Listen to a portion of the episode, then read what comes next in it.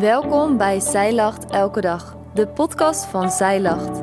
Mijn naam is Femke.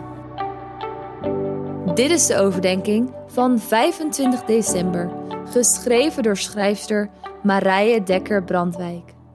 Voor Advent lezen we vandaag Lucas 2, vers 22 tot 40. Wat is God goed? Hij is het waard om geloofd te worden, zoals Maria dat zingt in haar lofzang.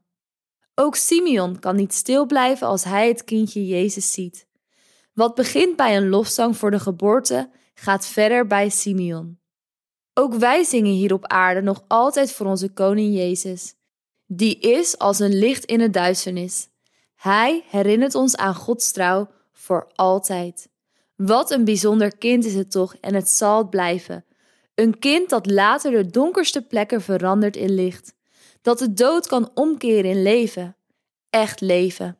Licht voor alle volken en licht voor jouw hart. Bid jij met mij mee? Jezus, wilt u het elke dag opnieuw licht maken in de wereld om mij heen, zodat licht van Bethlehem ook in mijn hart mag schijnen. Voordat je gaat, heb jij altijd al eens de hele Bijbel willen lezen, maar lijkt het een te grote opgave? Wij helpen je graag door het in 2024 samen te doen. Doe jij mee? Bestel nu de Zij Lach Bijbel in één jaar of download het gratis leesrooster.